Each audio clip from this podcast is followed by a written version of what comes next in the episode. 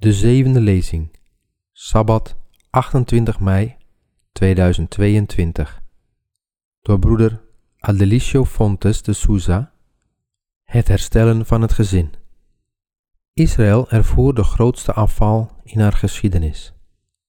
Het opgeven van het ware geloof, de aanbidding van valse goden en de vernietiging van het altaar van de Heer hadden ertoe geleid dat de grote meerderheid van de gezinnen het altaar van de gezinsaanbidding en de collectieve aanbidding had afgebroken. God werd niet langer aanbeden in Israël. Onder deze omstandigheden riep God Elia om het altaar van de Heer te herbouwen. In 1 Koningen 18 vers 30 en 31 lezen wij Toen zei Elia tegen het volk, kom naar voren bij mij. En heel het volk kwam naar voren bij hem. Vervolgens herstelde hij het altaar van de Heere, dat omvergehaald was. Elia nam twaalf stenen, overeenkomstig het getal van de stammen van de zonen van Jacob, tot wie het woord van de Heere was gekomen. Israël zal uw naam zijn. Het altaar is een symbool van ware aanbidding. En de wederopbouw met de verspreide, verkruimelde stenen betekent dat elk lid van de familie wordt opgeroepen om deel uit te maken van het altaar en de tabernakel van het huis van Christus.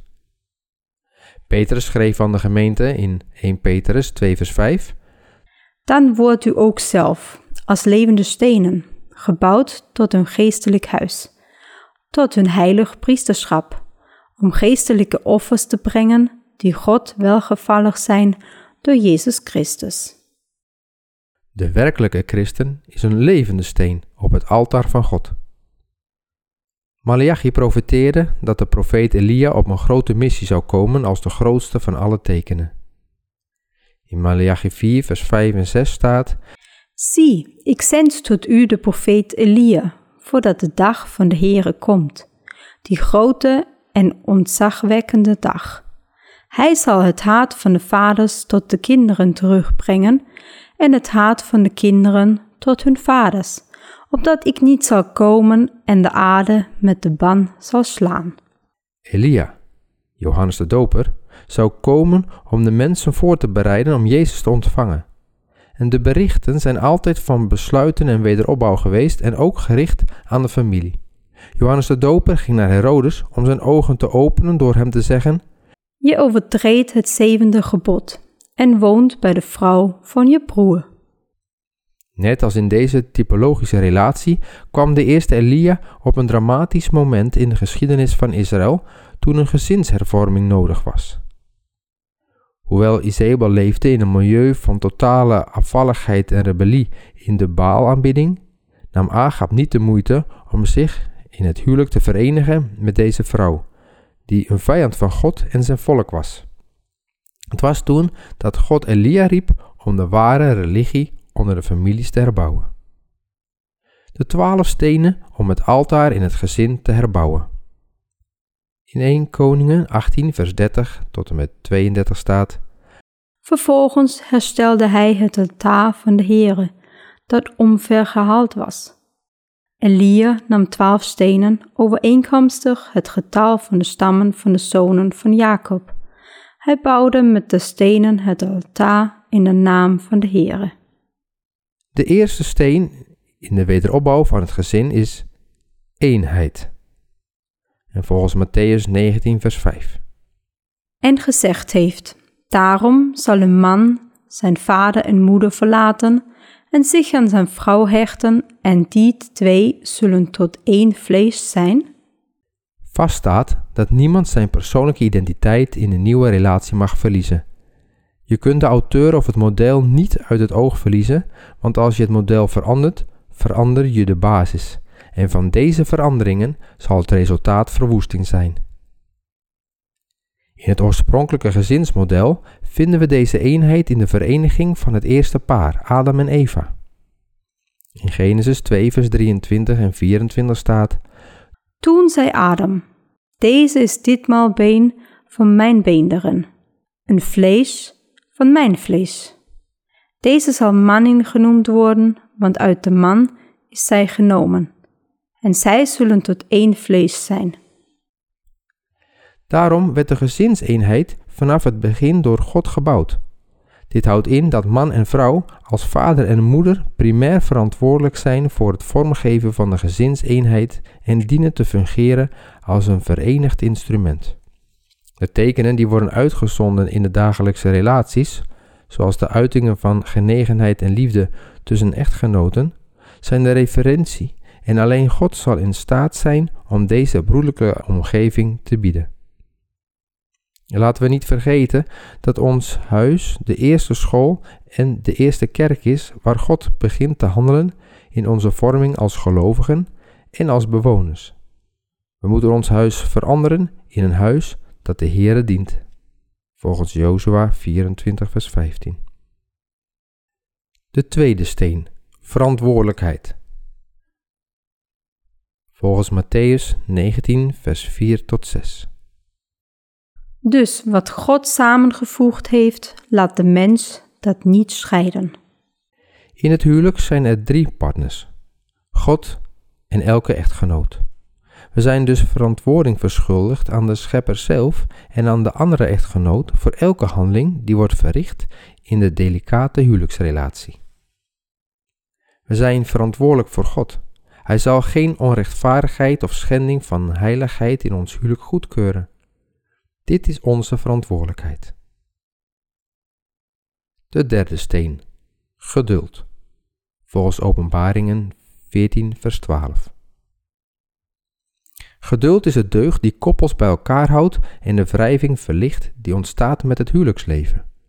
Het is door geduld dat een persoon grote beproevingen en tegenspoed kan doorstaan, evenals de kleine ergernissen van elke dag.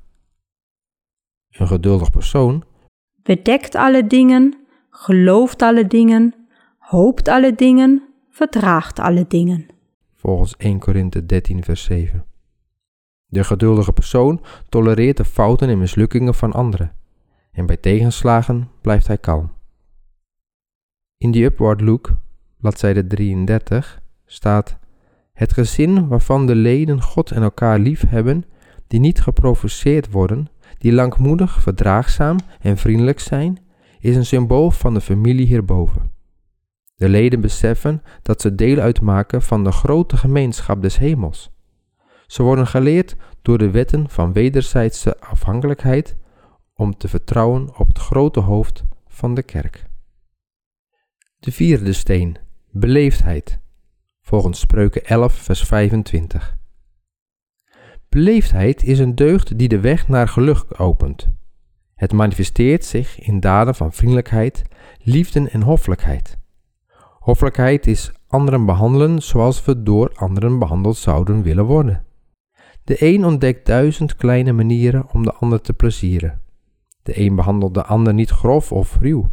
Hoffelijkheid en vriendelijkheid zijn talen die doven kunnen horen en stommen kunnen spreken.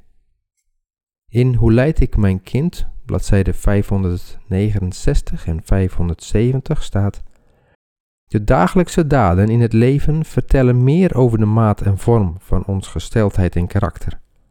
Waar er een gebrek is aan huishoudelijke godsdienst, is een beleiden van geloof waardeloos. Laat dan geen onvriendelijke woorden vallen van de lippen van degene die de huiselijke kring vormen. Maak de atmosfeer geurig door tedere bedachtzaamheid voor anderen. Het werk van heiliging begint thuis. En zij die thuis christenen zijn, zullen christenen in de kerk zijn en in de wereld.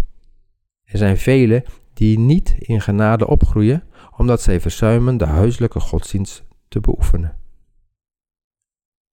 In het Bijbels gezin, bladzijde 261 en 262 staat: Als je geen zachtmoedigheid, vriendelijkheid en beleefdheid in je gezin laat zien, is je geloof te vergeefs.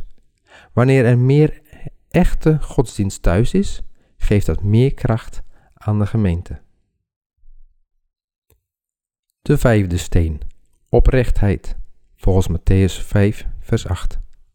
Oprechtheid is de essentie van transparant en oprecht christendom. De reine van hart is geen slaaf van zijn hartstochten. Hij is vrij van boosaardigheid en onzuivere gedachten. Hij gebruikt geen onwaarheden of leugens.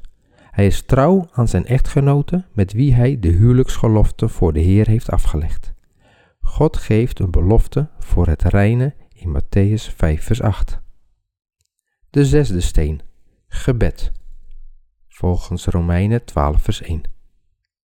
In Patriarchen en Profeten, bladzijde 315 en 318 staat: Elke morgen en elke avond werd een eenjarig lam op het altaar verbrand, samen met het daartoe aangewezen spijsoffer, waarmee de dagelijkse toewijding van het volk aan de Heere en hun voortdurende afhankelijkheid van het verzoenend bloed van Christus werd aangeduid. De uren die bepaald waren voor het morgen- en avondoffer werden als geheiligd beschouwd en werden na verloop van tijd vaste uren voor aanbidding van het Joodse volk. Op bladzijde 116 kunnen we verder lezen: Evenals de patriarchen moeten degenen die voorgeven God lief te hebben, een altaar bouwen voor de Heere waar ze hun tenten opslaan. Als er ooit een tijd was dat elk huis een huis des gebeds moest zijn, is dat nu wel. Vaders en moeders zouden meer hun harten moeten verheffen tot God in smeking voor zichzelf en voor hun kinderen. En laat de vader als priester in het gezin elke morgen en elke avond een offer brengen, terwijl de vrouw en de kinderen zich verenigen in lof en gebed. In zulk een gezin vertoeft Jezus graag. De zevende steen, voorzichtigheid, volgens Spreuken 19, vers 11. Voorzichtigheid is de deugd die kennis van gevaren geeft en moeilijkheden vermijdt. Voorzichtigheid leidt ertoe dat mensen met mate omgaan met hun verantwoordelijkheden en rechten. Het beste synoniem voor voorzichtigheid is gezond verstand. En dit betekent wijsheid toepassen op de juiste manier en op het juiste moment. De voorzichtige persoon is verstandig en voorzichtig en hij stelt zich niet bloot aan gevaren. Hij denkt goed na voordat hij spreekt en handelt. In het Bijbels gezin, bladzijde 144, staat een advies van een dienaar van de Heer. Rond ieder gezin bestaat een heilige kring die in stand gehouden moet worden. Niemand anders mag die heilige kring binnendringen. Man en vrouw moeten alles voor elkaar zijn. De vrouw moet voor haar man geen geheimen hebben die zij wel aan anderen laat weten. En de man moet geen geheimen voor zijn vrouw verborgen houden en die wel aan anderen vertellen. Het hart van zijn vrouw moet het graf voor de fouten van zijn vrouw zijn. Nooit mag één van beide partijen een grap maken ten koste van de gevoelens van een ander. Nooit mag een man of vrouw, ook al is het voor de grap of op wat voor manier dan ook, tegenover buitenstaanders klagen over de ander. Want het geregeld toegeven aan deze dwaasheid, ook al lijkt het een onschuldige grap, eindigt in moeilijkheden met elkaar en misschien in het vervreemden van elkaar. Mij werd getoond dat er rond elk gezin een heilig schild moet zijn. De achtste steen. Begrip. Volgens Filippenzen 1 vers 9. Waarom vinden velen een muur van klaagzang in het huwelijk? Omdat ze elkaar niet proberen te begrijpen. Vecht voor elkaar, maar niet tegen elkaar. De realiteit in miljoenen gezinnen vandaag de dag zijn echtgenoten die hun vrouw niet langer begrijpen. Ouders die niet met hun kinderen praten. Broers en zussen die ruzie hebben gemaakt en al jaren elkaar niet hebben gesproken. Kinderen die de principes van hun ouders niet accepteren. Het zijn mensen die, beetje bij beetje of plotseling, besloten onder hetzelfde dak te gaan wonen, maar zonder enige vorm van affectieve relatie of betrokkenheid bij gezinsactiviteiten te cultiveren. Of ze verbraken definitief de familieband en gingen letterlijk uit elkaar. De familieband, zo belangrijk, lijkt niet meer te bestaan en wat erger is, het gevoel is dat het onmogelijk is om het weer op te bouwen. Dit is echter niet waar. We zijn getraind om ten koste van alles conflicten te vermijden, in de veronderstelling dat dit de vrede bewaart.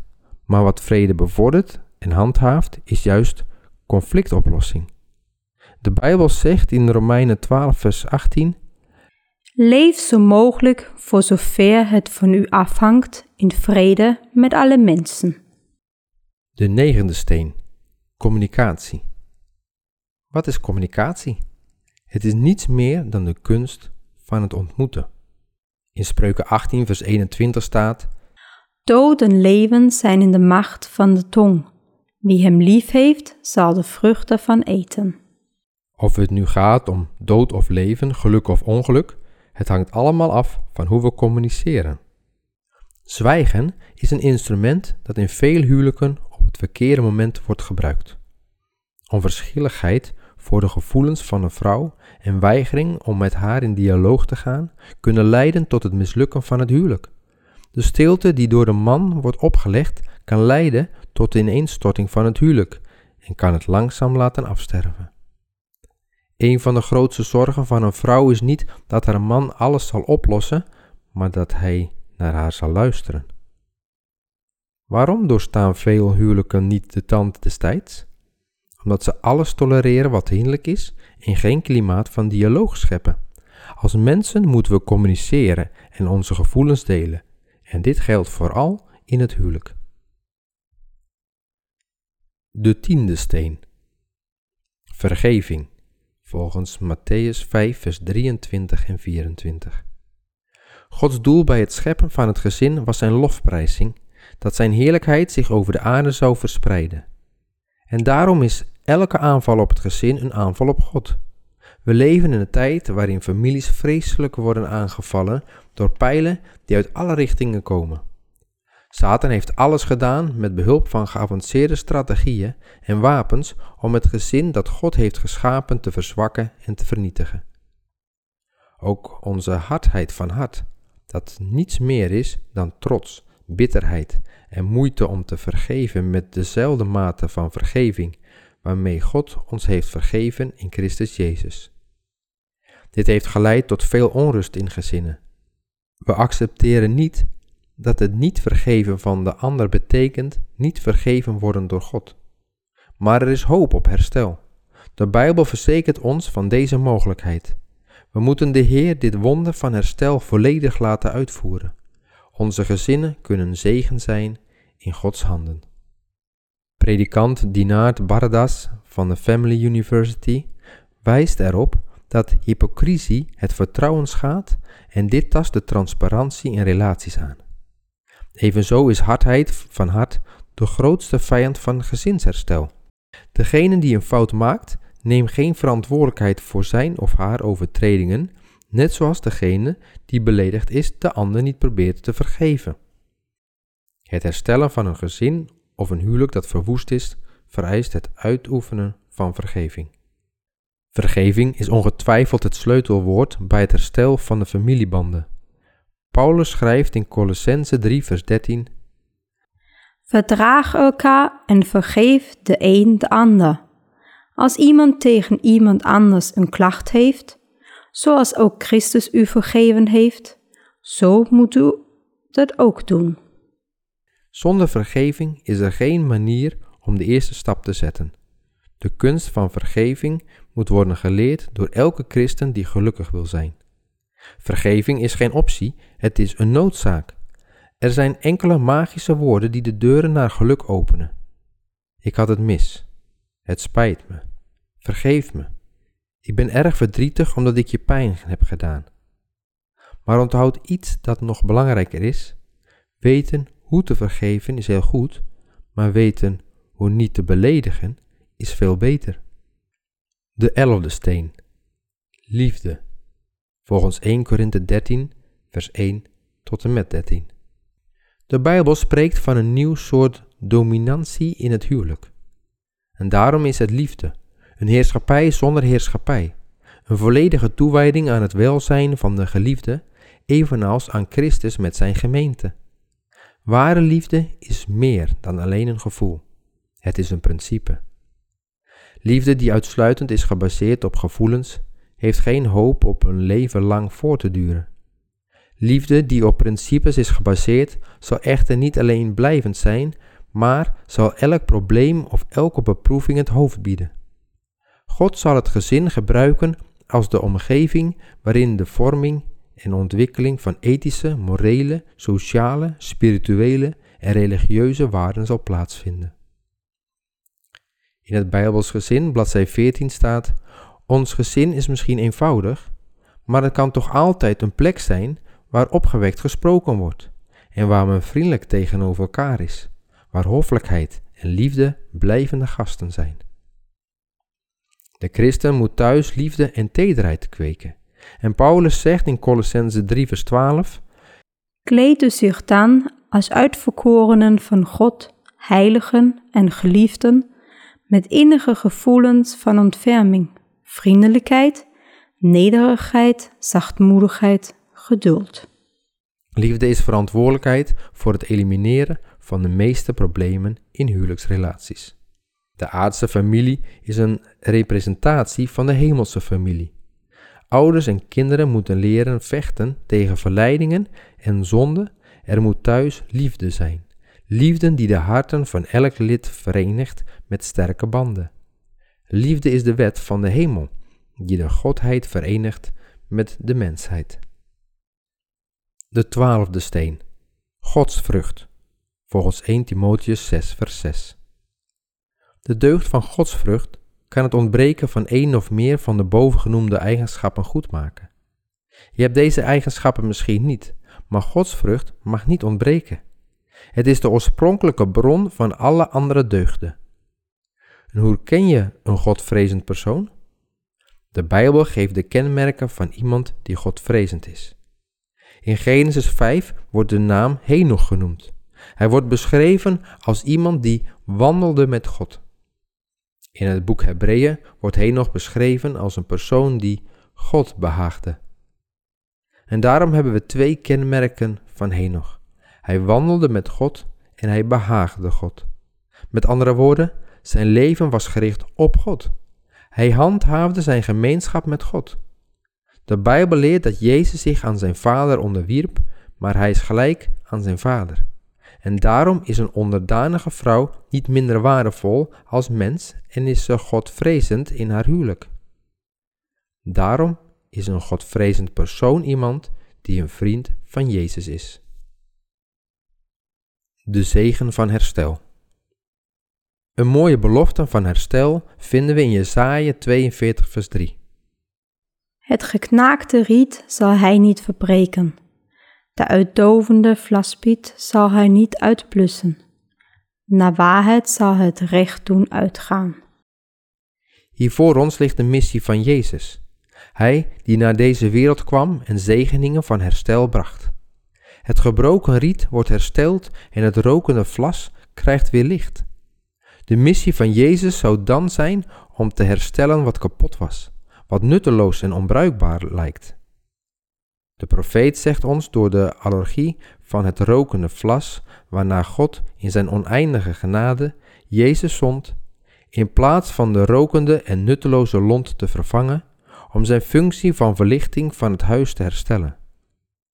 Mogen de stenen van eenheid, verantwoordelijkheid, geduld, beleefdheid, oprechtheid, gebed, voorzichtigheid, begrip, communicatie, vergeving, liefde en barmhartigheid de wederopbouwende elementen zijn in uw leven en in uw gezin. Jezus wil het vuur in uw huis aansteken. Hij wil dat uw huis een kleine hemel op aarde wordt. Mogen God alle gezinnen zegenen in deze laatste dagen en mogen de vlammen van liefde in onze huizen nooit worden gedoofd. Amen.